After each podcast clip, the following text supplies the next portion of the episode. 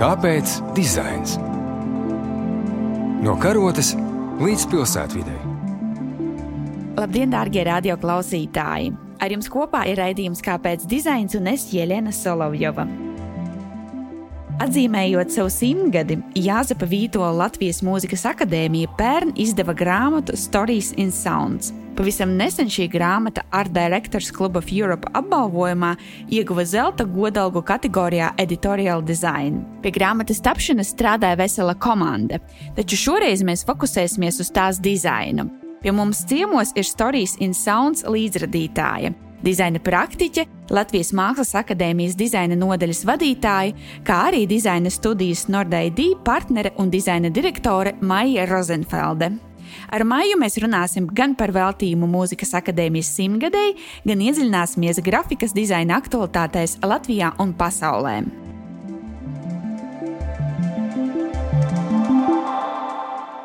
Sveika, Maija! Parunāsim tad vispirms par skaisto zilo grāmatu Stories in Sounds. Izstāsti mums lūdzu mazliet vairāk, kā šī grāmata tapa un kā tad vispār ir iespējams vienā grāmatā iemūžināt veselu simtgadi. Un citējot arī tevi pašu, ko tad tas īsti nozīmē grāmatā notvert mūziku? Jā, nu tas tiešām ir tāds izaicinājums, bet es domāju, ka ļoti atviegloja fakts, ka Mūzikas akadēmijas rektors Gunters Prānis, kad viņš mani uzaicināja šajā procesā būt par konceptu radošo autoru, galvenais mērķis bija neiet uh, uz atpakaļ un neskatīties tik daudz pagātnē. Viņš negribēja tādus retrospektīvus faktus, kas ir ierasts tādās simtsgadus grāmatās, bet tieši tā vēlme vairāk iezīmēt to lauku, kas tad būs uz priekšu. Es varu teikt tiešām tādu lielu paldies arī par to lielo uzticēšanos, kas bija tieši no mūzikas akadēmijas puses. Lielākais pluss bija tāds, ka viņi atnāca nevis ar savu programmu, re, kur mums vajag uh, iekļaut šos faktus un uztaisam smuku dizainu un kārtīgi saliekam burtiņus, bet vairāk tiešām ar konceptu bija tāda absolūta uzticēšanās. Tā arī bija tā veiksmes atslēga. Kad uh, es savukārt devos pildīt savu mājas darbu, staigāt pa akadēmijas gaitiņiem, runāt ar cilvēkiem. Tad jau man tā kā veidojās, kas vispār tas ir, par ko tas ir. Tur bija divi šie te aspekti, kur viens ir tā ārkārtīgi personīgā pieeja, kas ir mūsu gan mākslas, gan mūzikas akadēmijām, tā cilvēcība, kas ir tajā izaugsmas procesā. Tā bija tā viena lieta, un otrs īpaši tad, kad notiek nodarbības, ir šī ārkārtīgi lielā vibrācija pašās akadēmijas telpās. Nu, ejot vienkārši pa tiem gaitiņiem, pavērām brīžam durvis, tur viens trenējās, cits trenējās. Viņi, protams, dzird katrs pats sevi, bet kā ejot no malas, ir tā sajūta, ka tā ēka burtiski skan. Tas mans domu gājiens būtībā arī bija caur to, ka bija skaidrs, ka gribas satvert, notvert šo personīgo aspektu, tātad tās individualitātes, un ka tas ir caur šīm dažādajām perspektīvēm. Tas gan bija tas, ko mēs atvērām, ka jā, tas ir svarīgi gan no tā studenta, no kāda, kurš jau ir izrāvies pasaulē, kurš vēl tikai sāk, Attiecīgi, katrs viņa redz to akadēmiju savādāk, un tas bija tas, nu, tīri satura koncepts. Tā tad bija tā viena prizma tieši par individualitātēm, personībām un tiem stāstiem.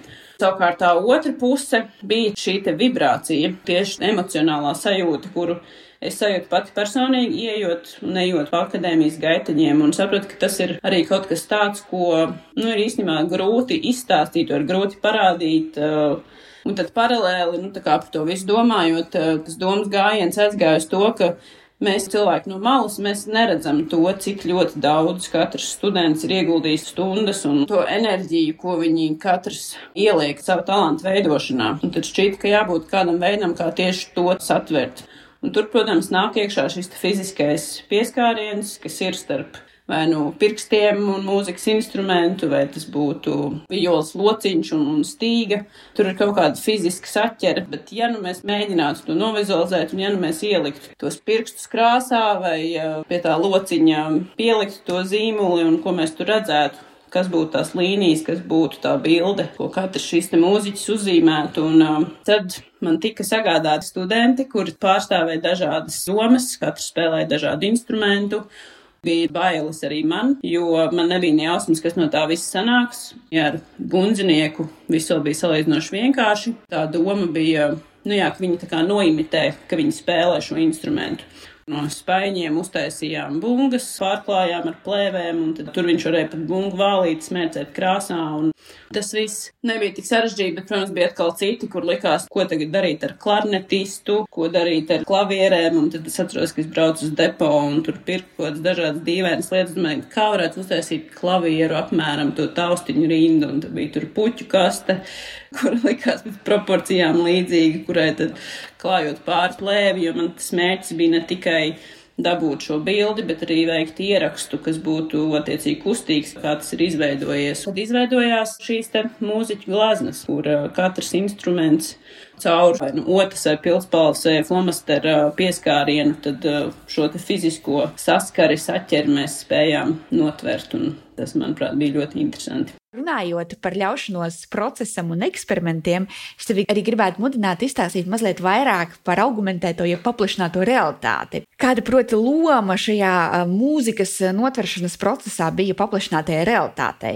Un arī, varbūt, ja tu vari ieskicēt, tad cik naski grāmatas lasītāji tad šobrīd ieskatās tās paplašinātajā versijā? Jā, nu tas atkal jau bija tāds rezultāts no ļaušanās procesam, jo to filmēšanu sākotnēji es veicu ar domu, ka iespējams to varētu izmantot grāmatas atklāšanas svētkos domu laukumā, bet uh, beigās mēs sapratām, ka tur vajag vēl citu principu izmantot, un tur mēs to neizmantojām.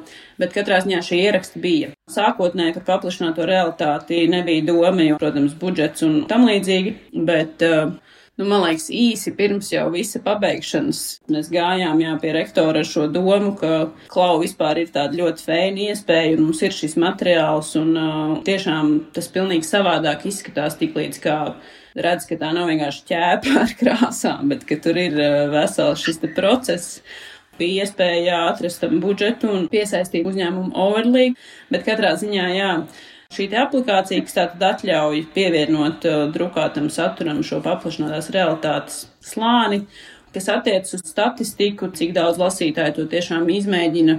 Man grūti par to spriest, tas būtu jājautā, varbūt, ja ir kādas atsauksmes pašiem mūzikas akadēmijas cilvēkiem, bet uh, ko es varēju novērot arī šajā Eiropas uh, ārdirektoru kluba žūrēšanā, kur uh, man bija vienkārši iespēja to skatīties no malas, kāds bija tas process, protams, neko nekomentējot bet uh, viņi kā reiz izteica, ka aplikācijas ļoti vienkārši, viss uzreiz strādāja, kas arī nav mazsvarīgi, jo bieži vien ir tā, ka it kā ir šī te paplašinātā realitāte, bet ir jāiziet cauri ļoti daudz soļiem, un tas ir sarežģīti, un kaut kādas aplikācijas jāapdē to, nedod Dievs sistēmu, vēl kaut kas, bet, uh, manuprāt, tas ir svarīgi, domājot par šiem paplašanās realitātes iekļaušanu, lai tie soļi, kas jāveic, lai būtu maksimāli maz, cik vismaz es esmu dzirdējusi no cilvēkiem, ka viņiem ir pozitīva pieredze ar tieši to vienkāršību. Tas, kas ir uh, vēl fēni, ka tas nestrādā tikai grāmatā vien. Mēs izveidojam arī tādu plakātu sēriju, kas pašā mūzikas akadēmijā ir gaiteņos, un arī tie plakāti, lai gan viņi ir citā izmērā, viņi arī strādā, un uh, cilvēkiem, kuriem nav šī grāmata, viņi tāpat var to redzēt. Es domāju, ka no tava stāsta, Maija, top arī diezgan skaidrs, ka jūsu radošajā komandā tehnoloģiju lietojums eh, nav bijis pašmērķīgs. Nu, proti, jūs nesākāt ar to, kā mēs varētu uztaisīt grāmatu, kurā tad mēs izmantosim šo paplašināto realitāti, bet drīzāk tas bija tāds loģisks, organisks jūsu radošā stāsta turpinājums. Bet es gribētu padiskutēt par tehnoloģijām mazliet plašāk. Ko tas nozīmē tālākā grafikas dizainera profesionāļa ikdienā? Cik lielā mērā tu kopumā ļaujies šiem tehnoloģiju eksperimentiem un kā tie ietekmē tavu darbu? Ir prieks tajos mirkļos, kad paši arī klienti jau sāk jautāt pēc kādām iespējām. Un uh, jāsaka, ka arī šis attālinātās dzīves laikmets, kurā mēs dzīvojam, to veicinājis diezgan daudz strādājot ar iepakojumu dizainu arī paši klienti sāk domāt, ok, ir tas iepakojums, eh, kas ir tā fiziskā lieta, bet kā mēs varam lietotājiem dot kaut kādu papildus pieredzi. Protams, ka te ir jābūt uh, lielos draugos ar tehnoloģijām un digitālo pasauli, lai tas nebūtu tikai par vēl kaut kādu papildus atkritumu radīšanu, bet tiešām vienkārši tādu saturīgu pieredzi. Līdz ar to tas mums, kas ir, manuprāt, arī ļoti fēni, tāda priekšrocība sadarboties ar citām studijām. Mūsu gadījumā, mūsu grupas ietveros ir digitāla studija elementi, kuri fokusējās tieši uz uh, visām digitālajām pieredzēm, un tad, uh, kur vien varam, tur skatāmies, kā pārklājās, kāda iespēja saslēgties kopā. jo pilnīgi noteikti nedomāju, ka katrs var būt profiņš visur. Ar digitālajām visām iespējām vēl negribās teikt, ka es esmu ar viņām uz jūs, bet pilnīgi noteikti man jāsaslēdzās kopā ar speciālistiem. Es nebūšu tas, kurš vienā brīdī sāks sevi saukt par digitālo dizaineru, un manuprāt, tas ir uh, tikai pierādījums tam, ka jā, joprojām turpinās iešana šajā sadarbības laikmetā arī. Mums ir jāmācās sadarboties un uh, piesaistīt tieši tās jomas speciālistus, kas ir nepieciešams konkrētā koncepta radīšanai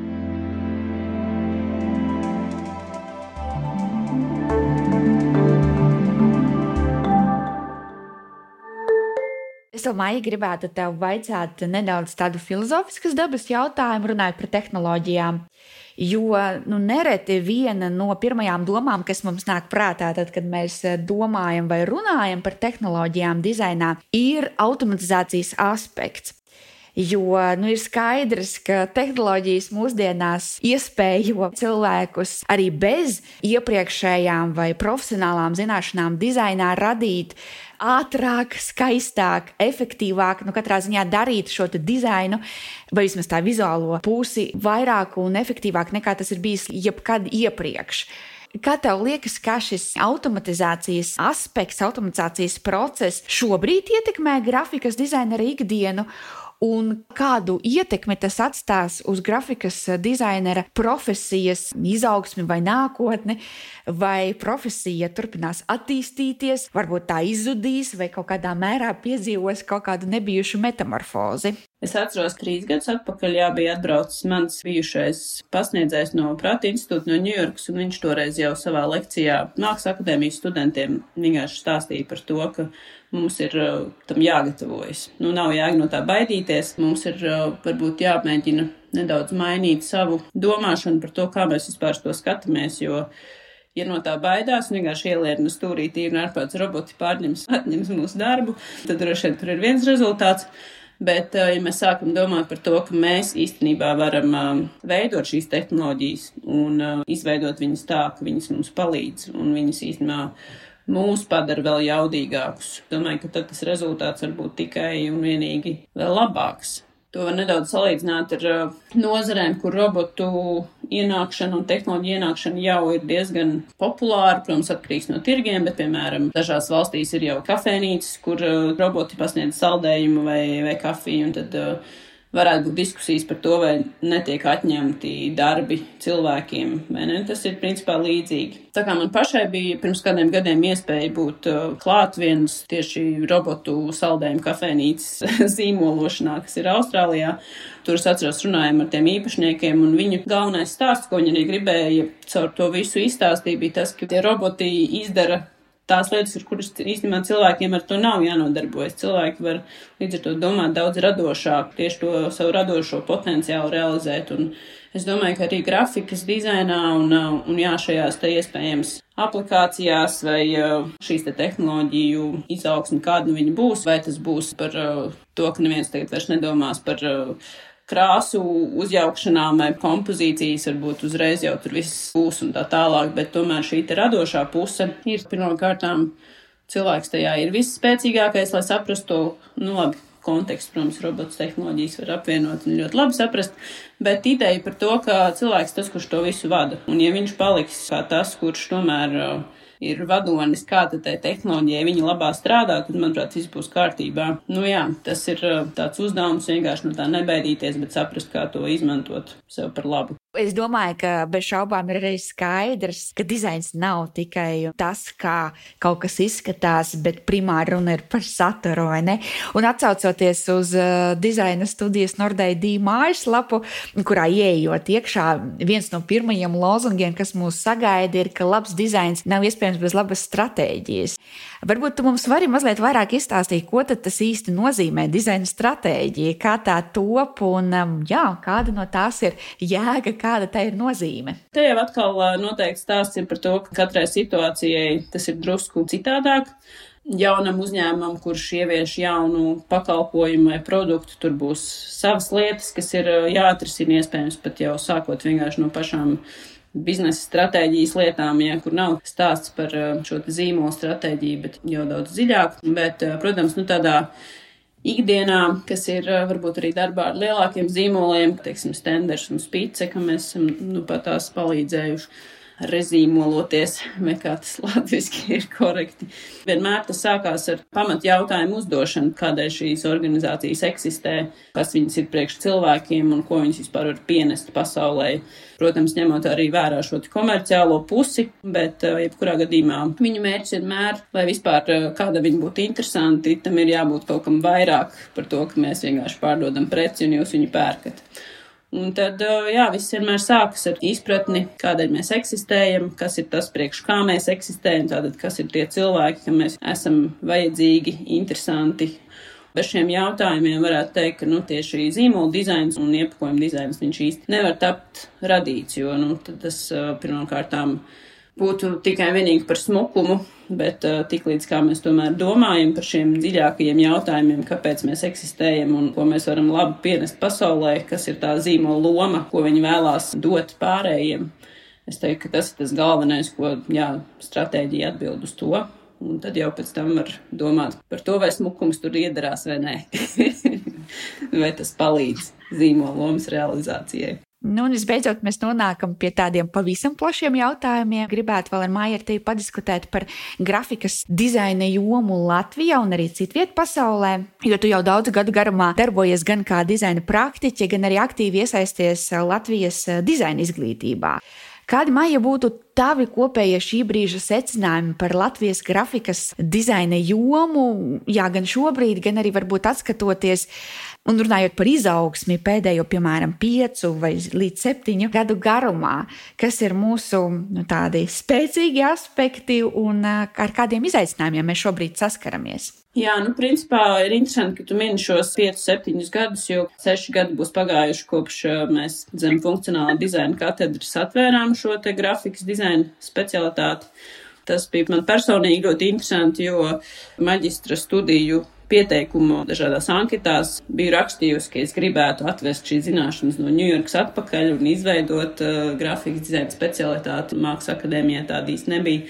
Protams, ka man likās, ka es to darīšu, kad būs kādi 50, notiecīgi vēl pēc kādiem 15 gadiem.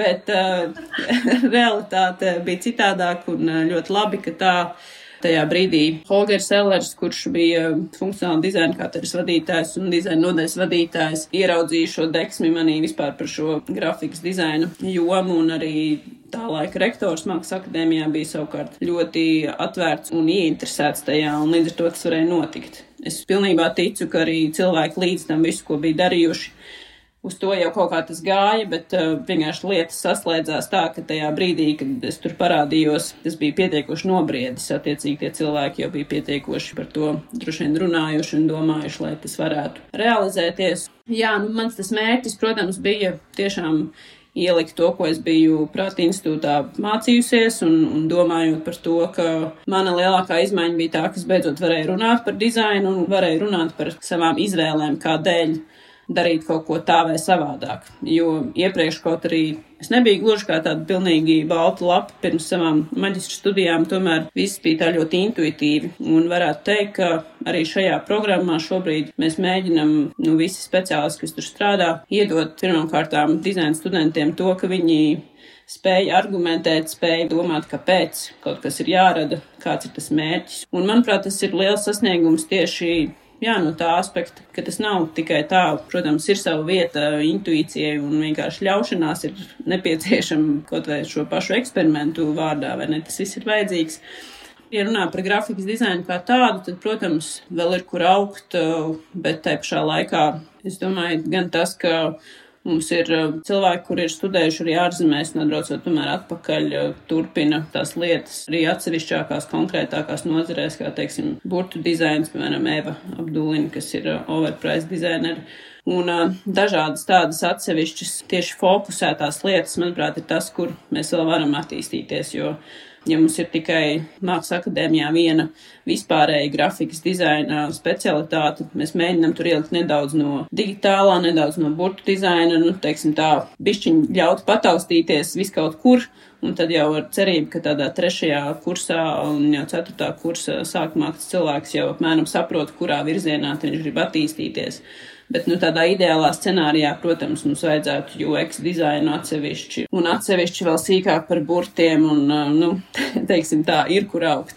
Bet sākums, manuprāt, ir labs. Burvīgi, Maija, liels un sirsnīgs tev paldies par šo sarunu.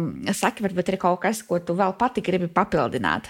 Varbūt tā vienkārši no tādas, jā, sautīgās pozīcijas domājot, tas, kas, manuprāt, arī Mākslas akadēmijā varētu būt kā tāda laba izaugsme, ja mēs runājam tieši par izglītības attīstību. Tad ārzemēs ļoti populāri, ka arī gan sabiedrība, gan uh, kompānijas uzņēmumi kaut kā vēl vairāk iesaistās tajā studiju procesā vai atbalsta kādas studentu iniciatīvas. Es domāju, ka tā sasaiste tur varētu būt arī pat vēl aktīvāka.